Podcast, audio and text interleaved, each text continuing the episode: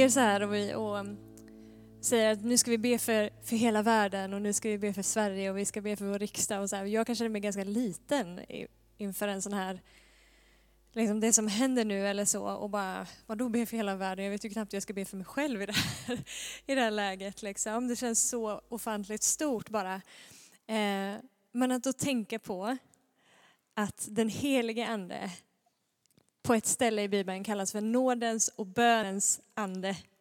Tänk att vi har nådens och bönens ande på vår insida och får ropa till nådens och bönens ande att han ska komma över oss och leda oss i det som han vill att vi ska be. Det står att Jesus är vår förebedjare i himlen. Han sitter på Faderns högra sida och har gått för oss. Det finns något som Jesus själv ber i den här tiden. Andes hjälp så kan vi få liksom lägga våra öron mot på något sätt och uppfatta och höra riktningen av vad det är som Jesus ber just nu och ställa oss i linje och be tillsammans med Gud. Tänk att få be ut de bönerna som han själv talar ut över sitt folk och över den här världen och över vårt land. Det finns liksom en, som Jakob var inne på, det finns en dröm liksom ifrån himmelen att få stiga in i när det kommer till det här med bönen. Och det behöver inte vara jag som liksom krampaktigt försöker få fram någonting i det liksom, utan vi kopplar på i Guds hjärta. Um, vi vet, det har ni hört så många gånger by now i den här tiden att när allting annat skakar så skakas inte Gud utan han står fast. Han är fridsfursten. Han regerar i frid fortfarande. Eh, frustration finns inte i honom, stress finns inte i honom, rädsla finns inte i honom. Han är kärlek och, och rädsla och kärlek är inte kompatibelt. Liksom. Ehm, så han kan inte annat än att regera i frid. Liksom. Han rubbas inte från det. Det står att hans rike är rättfärdighet, frid och glädje i den helige Ande. Det är Guds eviga attribut som aldrig förändras. Så han råder och regerar i frid även i den här tiden. Men även om han råder och regerar i frid så tror jag att hans hjärta blöder för en värld som lider just nu hans frid, liksom, fridsegenskap är ju inte lika med att han inte blir bekommen liksom, av det som sker. Utan när han ser en mänsklighet som drabbas, när han ser en mänsklighet som, som är liksom under förtryck, slavad och som lider, så går hans hjärta sönder. Och hans hjärta blöder för de människorna. Och jag tror att det finns en del i Guds hjärta som på något sätt ryter liksom, åt den ondska som, som sker just nu. Liksom. Eh, det står att fienden kommer för att stjäla, slakta och förgöra. Och det ser vi händer just nu. Människor som blir bestulna liksom på livskvalitet, där eh, arbete rycks ifrån dem, inkomst rycks ifrån dem. Och ni alla, jag eh, har säkert också, men jag har vänner i USA, liksom, familjer som har fyra, fem barn och båda föräldrarna har liksom tvingats stänga ner sina arbeten, de har ingen inkomst, det finns ju inga socialbidrag. Eller så, bara, hur ska vi överleva? Hur, hur, ska vi kunna ta hand om våra barn? Hur ska vi ge mat till vår familj? Liksom? Eh, människor blir bestulna på, på så mycket och vi ser död på så många områden. Både liksom fysisk död, där människors liv faktiskt tas ifrån dem på grund av det här viruset som går fram liksom och slaktar och förgör. Människor vars frid stjäls, vars glädje stjäls. Och, och jag tror Gud i sin himmel bara, han är, han är vred, inte på människor, men han är vred på ondskan. Han är vred på fienden som stjäl och slaktar och förgör. Och jag tänker, när Jesus dör på korset så tror djävulen att nu har han vunnit. Nu är det liksom mission accomplished. Hans mål var hela tiden att stjäla, slakta och förgöra Gud. Och nu tänker han yes, jag har dödat Guds son. Nu är det evig död, nu är det mitt rike som råder. Problemet var bara att han såg inte längre än näsan räckte. Little did he know att Gud hade en annan plan. Inte visste djävulen att det som såg ut som att vara evig död, att Gud tre dagar senare skulle vända det till en evig uppståndelse. Att Gud var mäktig att vända på hela pannkakan liksom. Likadant nu, det som nu ser ut som död, när fienden går fram för att stjäla och slakta och förgöra och drabba den här världen. Liksom. Han han ser inte längre än näsan räcker. Han tror att han liksom triumferar här i det han håller på med. Lite vet han av vad som är Guds stora plan i det här. Det som nu ser ut som död kommer Gud vända till en uppståndelse. När det kommer hända, vi vet inte, men det bubblar under ytan. För just nu så förbereder Gud sitt folk. Liksom. Just nu, så, som Jakob sa, så går det en, en kallelse ifrån himlen, liksom, från Guds eget hjärta, där han drar sitt folk till sig. Kom och sök, sök mitt ansikte, dra er nära mig i den här tiden så att jag kan få liksom del, dela mig själv och mitt eget hjärta med er, få drabba er igen för att förbereda er för det som ligger framför. Och det som är död nu, det kommer vändas till en uppståndelse. Så låt inte oss liksom vaggas in i någon slags likgiltighet eller andlig liksom slapphet i det här, utan låt oss vara på tårna och gensvara till Gud på den här kallelsen. Ta det på allvar, dra oss nära honom, söka hans ansikte liksom, för att inte praktisera den här social distancing i vår gudsrelation så som vi gör med människor, utan dra oss nära så att det som är hans hjärta får drabba våra hjärtan. Jag tror att Gud bara han ropar efter sitt folk i den här tiden och frågar, vill ni göra er tillgängliga för mig? Vill ni göra er tillgängliga för mig? För i någon mån, vi fattar inte hur det här funkar, men i någon mån så har Gud liksom valt i sin vishet att begränsa det han gör på den här jorden till det som vi som hans folk faktiskt är med och verkar ut. Liksom. Gud i sin vishet ibland tillåter att saker och ting händer som han lätt skulle kunna stoppat med sin kraft. Liksom. Men han väntar på sitt folk, att hans folk ska gensvara, att hans folk är villiga att vara hans händer och fötter och gå ut och visa på den här uppståndelsen som finns. Visar på det livet som finns. Vill ni svara mig? Vill ni komma när jag kan? Kallar. Vill ni i den här tiden som är nu göra er själva tillgängliga? Är ni villiga att låta mitt hjärta som blöder för en drabbad värld, är ni villiga att låta mitt hjärta få drabba er? Det kommer svida, det gör ont att få del av Guds hjärta ibland. När vårt hjärta börjar brista för det som Guds, Guds hjärta brister för, när vårt hjärta börjar blöda och gråta för det som Guds hjärta blöder och gråter för. Det känns ibland som en börda att bära.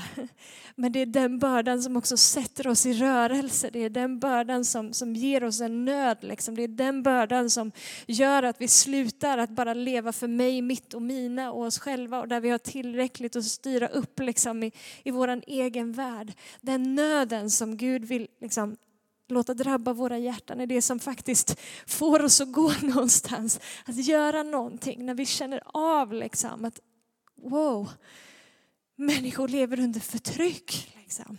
Människor lever förslavade, människor lider. Jag måste berätta för dem att det finns en uppståndelse. Jag måste berätta för dem att det finns en som kan befria dig ifrån det här. Det finns en som ger dig liv, det finns en som står fast, det inte skakar. Jag ber för mitt eget liv att jag inte skulle liksom bara sitta stilla i min soffa. Jag vill sitta stilla inför Guds ansikte och söka honom, bli stilla och besinna att han är Gud. Men när han sen säger gå, då vill jag gå. Då vill jag vara kvick på min insida att svara. Det är inte det här som är min predikan idag, men nu blev det det. Ehm,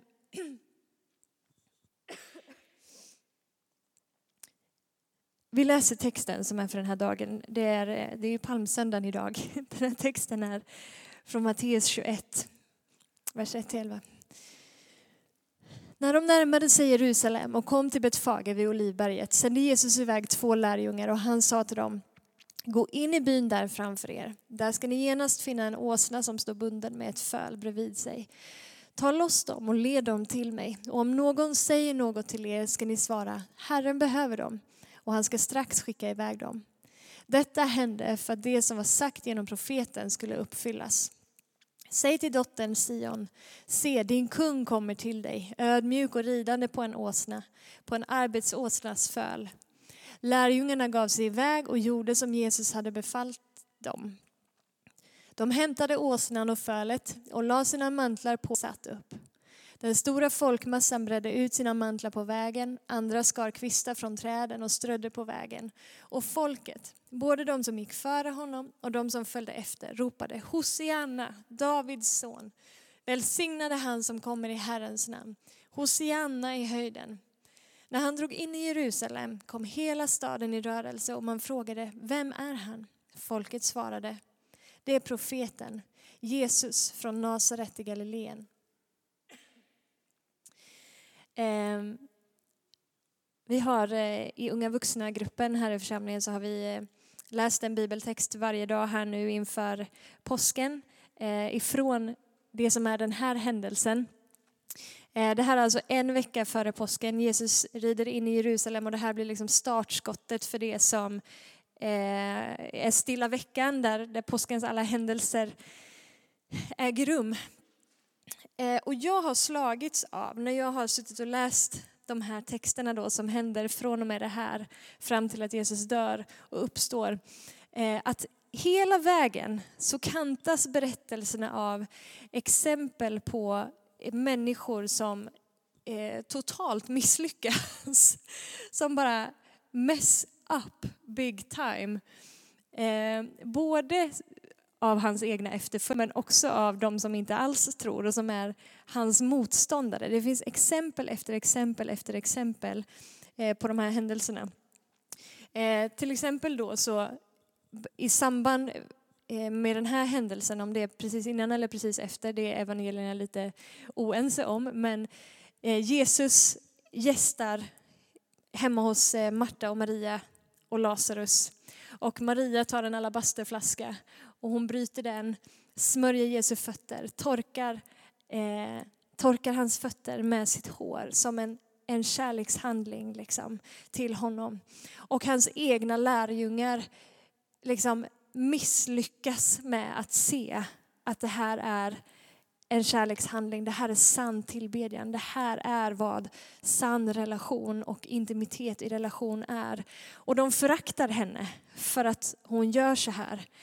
Ehm, det är ett exempel på när det liksom går lite snett och man inte riktigt, inte riktigt träffar målet.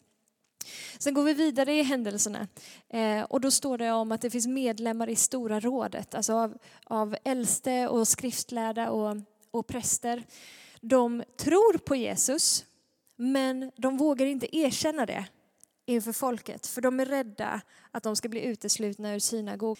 De söker människors ära mer än vad de söker Guds ära.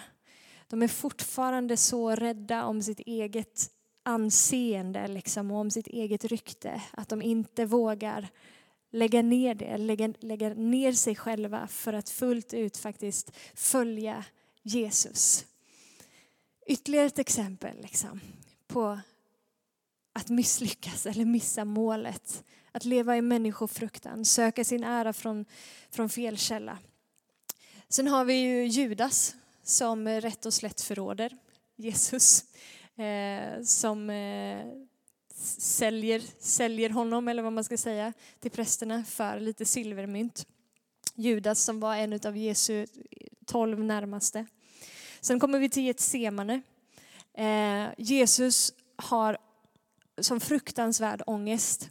Och han ber sina lärjungar att stanna uppe och vaka tillsammans med honom medan han ber. Han ber om, om deras stöd liksom, i det som är hans hittills svåraste stund. Och de bara fattar inte grejen. De somnar.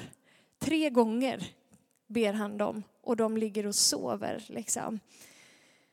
Kanske finns det identifikation med dig och mig där också, liksom, när vi misslyckas med att göra någonting som Jesus ber oss om. Vi fattar inte allvaret i stunden, vi fattar hur det gäller. Liksom. Så ligger vi och vi sover på vår egen insida trots att vi har hört Guds kallelse till någonting. Men vi, vi misslyckas med att liksom, eh, efterfölja honom. Sen i ett semane när eh, Jesus fängslas så är det en av lärjungarna som tänker nej, not on my watch. Det här kommer inte att hända. Och han tar sitt eget svärd, griper det och hugger av örat på en av översteprästerna. Den här lärjungen har ju totalt misslyckats med att se att det finns en större bild av det som håller på att hända just nu. Han fattar inte att det som sker Jesus i det här läget är nödvändigt för det som Jesus ska gå igenom. Så han bestämmer sig för att ta saken i egna händer, försöka kontrollera det, försöka strida på mänskligt sätt, försöka försvara Guds rike på mänskligt sätt. Kanske befinner oss du och jag där ibland också, liksom, där vi inte vi ser inte den stora bilden så vi försöker i egen mänsklig kraft att styra upp saker och ting här och nu så som vi tycker att det verkar bäst. Och vi tar till våra egna mänskliga vapen liksom och försöker utbreda Guds rike på ett sätt som inte är i enlighet med Guds hjärta och vilja i den stunden. Sen kommer Jesus till, eh, eh han kommer till eh, eh Pilatus och prästerna och de äldste står där, han är hos Herodes och han får utstå att bli anklagad falskt. Människor som med flit misstolkar honom, människor som med flit vrider och manipulerar hans ord, människor som ifrågasätter vem han är, ifrågasätter Guds karaktär. Och han får utstå den här liksom smäleken och förödmjukelsen av att människor inte vill se eller förstå vem han faktiskt är. Ehm, vi har soldater som misshandlar honom, som piskar honom. Sen kommer Petrus och förnekar honom. Han lyckas inte leva upp till sin höga bekännelse. Jesus har förut sagt att du kommer att förneka mig tre gånger och han säger det kommer jag visst inte göra. Inte ens om jag ska dö så kommer jag förneka dig. Och Jesus säger jo, det kommer du. Och sen kommer den stunden när Petrus själv blir trängd och de säger var inte du med honom? Och han fattar någonstans att om han erkänner att han följer Jesus då lever hans eget liv i fara. Och helt plötsligt så fixade inte han att leva upp till sin höga bekännelse. Helt plötsligt så var han mer rädd om sitt eget skinn än att stå fast vid det som var eh, hans ord till Jesus i den stunden. Kanske vi befinner oss där också ibland. Liksom. Att vi har sagt saker till Gud eller sagt, lovat oss själva saker och ting dyrt och heligt. Och sen har en pressad situation och helt plötsligt så då är den där bekännelsen som bortblåst. Då fixar vi inte att leva upp till det. Vi sviker oss själva eller vi sviker vårt ord till Gud. Vi är inte så starka som vi tror att vi är. In i det sista, när Jesus hänger på korset, så blir han hånad igen. Både av en av rövarna som hänger på korset bredvid honom och människor som står bredvid. Som ifrågasätter igen hans karaktär och säger att andra kan han hjälpa, varför hjälper han inte sig själv? Alltså med andra ord, om du är den du säger att du är, om du är Gud, om du är Guds son, varför frälser du inte dig själv? Finns vi där ibland också kanske i vissa situationer där vi börjar ifrågasätta om du verkligen är Gud, hur kan du då tillåta det här? Om du verkligen är Gud, varför botar du inte min vän? Om du verkligen är Gud, varför lyfter du inte mig ur den här situationen? De där ifrågasättande tankarna smyger sig in i våra egna liv ibland också. Så alla de här händelserna som vi läser om inför att Jesus hänger på korset. Det är liksom inte bara en bild av de andra, av mänskligheten. Det är en bild av oss. De här människorna som misslyckades och liksom fallerade på olika sätt, det var både människor som inte trodde och människor som trodde. Det var både hans fiender och det var hans efterföljare. Så de här bilderna är en bild på liksom mänsklighetens sjukdom. Det är en bild av oss lika mycket som det är en bild av någon annan utanför. Men så säger Jesus på något annat ställe så här, att jag har inte kommit till de, de friska, det är inte de friska som behöver läkare, utan det är de sjuka som behöver läkare. Jag tror att det är Matteus 9 eller något sånt där, och kapitel 8 eller kapitel 9. Det är de sjuka som behöver läkare. Just till dem har han kommit. Och han säger, Människosonen har kommit för att söka och frälsa det som var förlorat. För att uppsöka och frälsa det som var förlorat. Alla de som hade misslyckats. Alla de, som, alla de här personerna som vi nu precis pratade om representerar. Som hade misslyckats, de hade han kommit för att uppsöka och för att frälsa. De som var sjuka. Eh, och dör för alla dem. Han dör ju inte bara för de som har lyckats. Han dör för alla som har misslyckats. Han dör för dig och mig. Det blir något väldigt starkt när man läser om alla de här misslyckandena precis i anslutning till det som händer på korset. Liksom. Nåden blir så fruktansvärt stor där helt plötsligt. När Jesus säger, jag tar det här på mig för att kunna ställa dig fri, för att kunna sätta dig fri. Och jag tänker nu i den här tiden som vi går igenom, liksom, vi som kristna, vi som Guds folk, vi är inte duktigare än någon annan egentligen på att hantera den här krisen. Vi är inte starkare än någon annan som inte tror på, i, liksom, i att hantera den här eh, krisen. Det som skiljer oss ifrån de som ännu inte tror är att vi ropar Hosianna, Herre fräls oss. Herre fräls mig.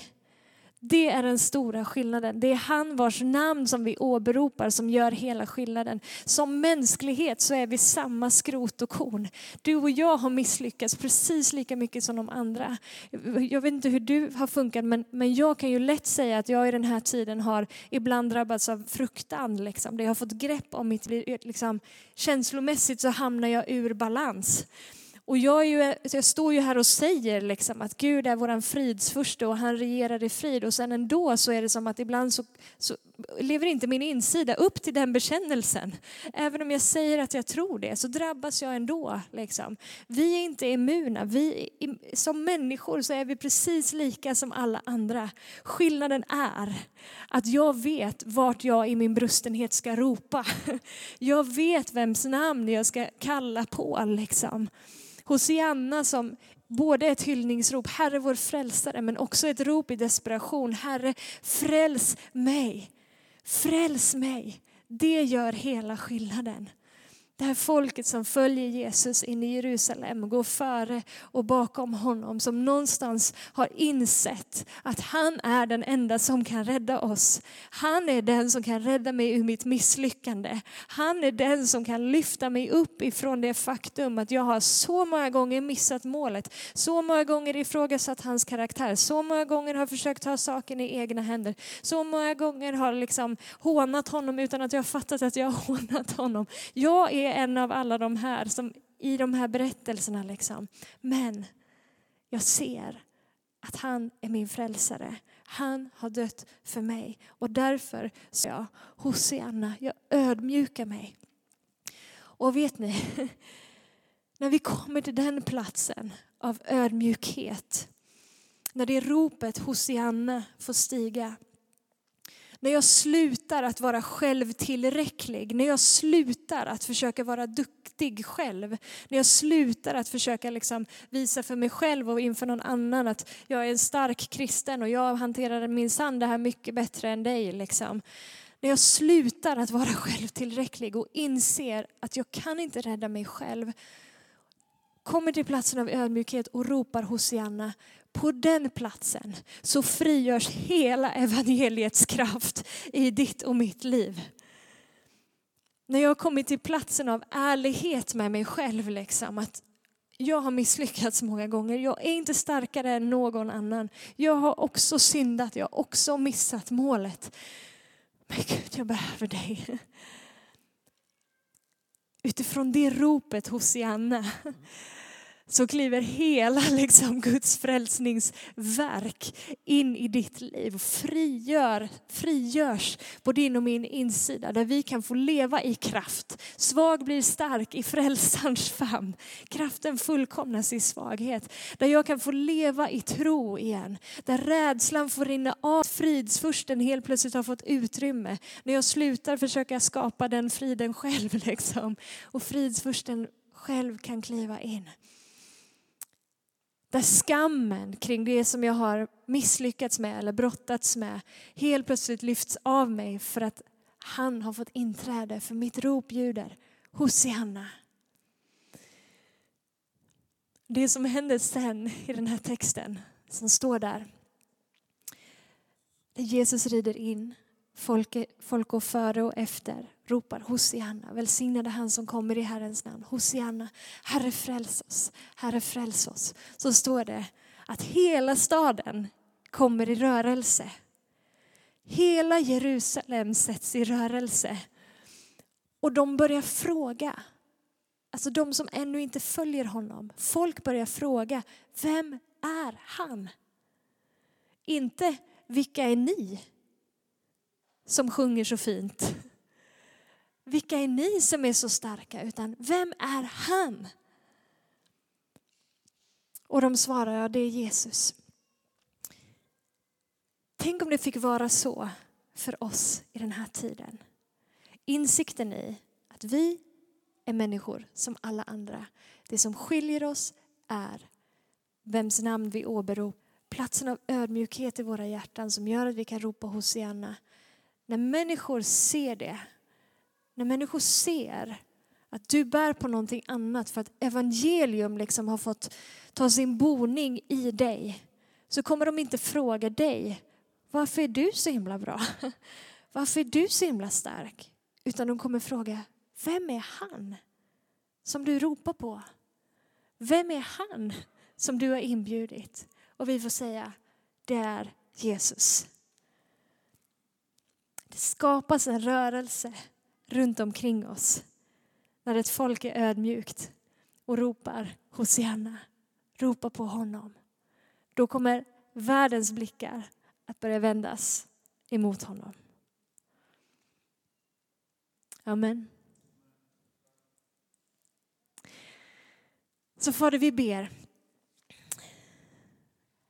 Vi ber för våra egna hjärtan. För det första, att vi skulle sluta försöka vara självtillräckliga. Oavsett om det sker medvetet eller undermedvetet, Herre. Men vi ber, Herre, om modet att kunna vara transparenta och ärliga med oss själva, Gud. Om vi är rädda så vill vi inte låtsas att vi inte är rädda. Om vi lever i fruktan och oro så vill vi inte försöka låtsas att vi inte lever i fruktan och oro och försöka styra upp saker och ting liksom, utan ge oss modet just nu att vara sanna mot våra egna hjärtan och se vad som faktiskt finns där. För vi vill leva på platsen av ödmjukhet och vi vill ropa Hosianna, Herre fräls mig. Varje dag, varje stund så är det du som kan rädda oss. Det är du som lyfter oss ur vår rädsla. Det är du som lyfter oss ur vår ångest. Det är du som lyfter oss upp ifrån det som var syndens konsekvenser. Det är du som reser oss upp i liv igen. Det är du som reser oss upp i hopp igen. Men vi kan inte skapa det själva utan hjälpen, frälsningen kommer ifrån dig. Så vi ödmjukar oss i den här stunden Gud. Vi ödmjukar oss. Och flyttar vår förtröstan och vårt, vårt hopp som vi ibland sätter till oss själva tyvärr. Vi sätter det till dig nu istället. Vi ropar Hosianna, Hosianna, Hosianna. Gud.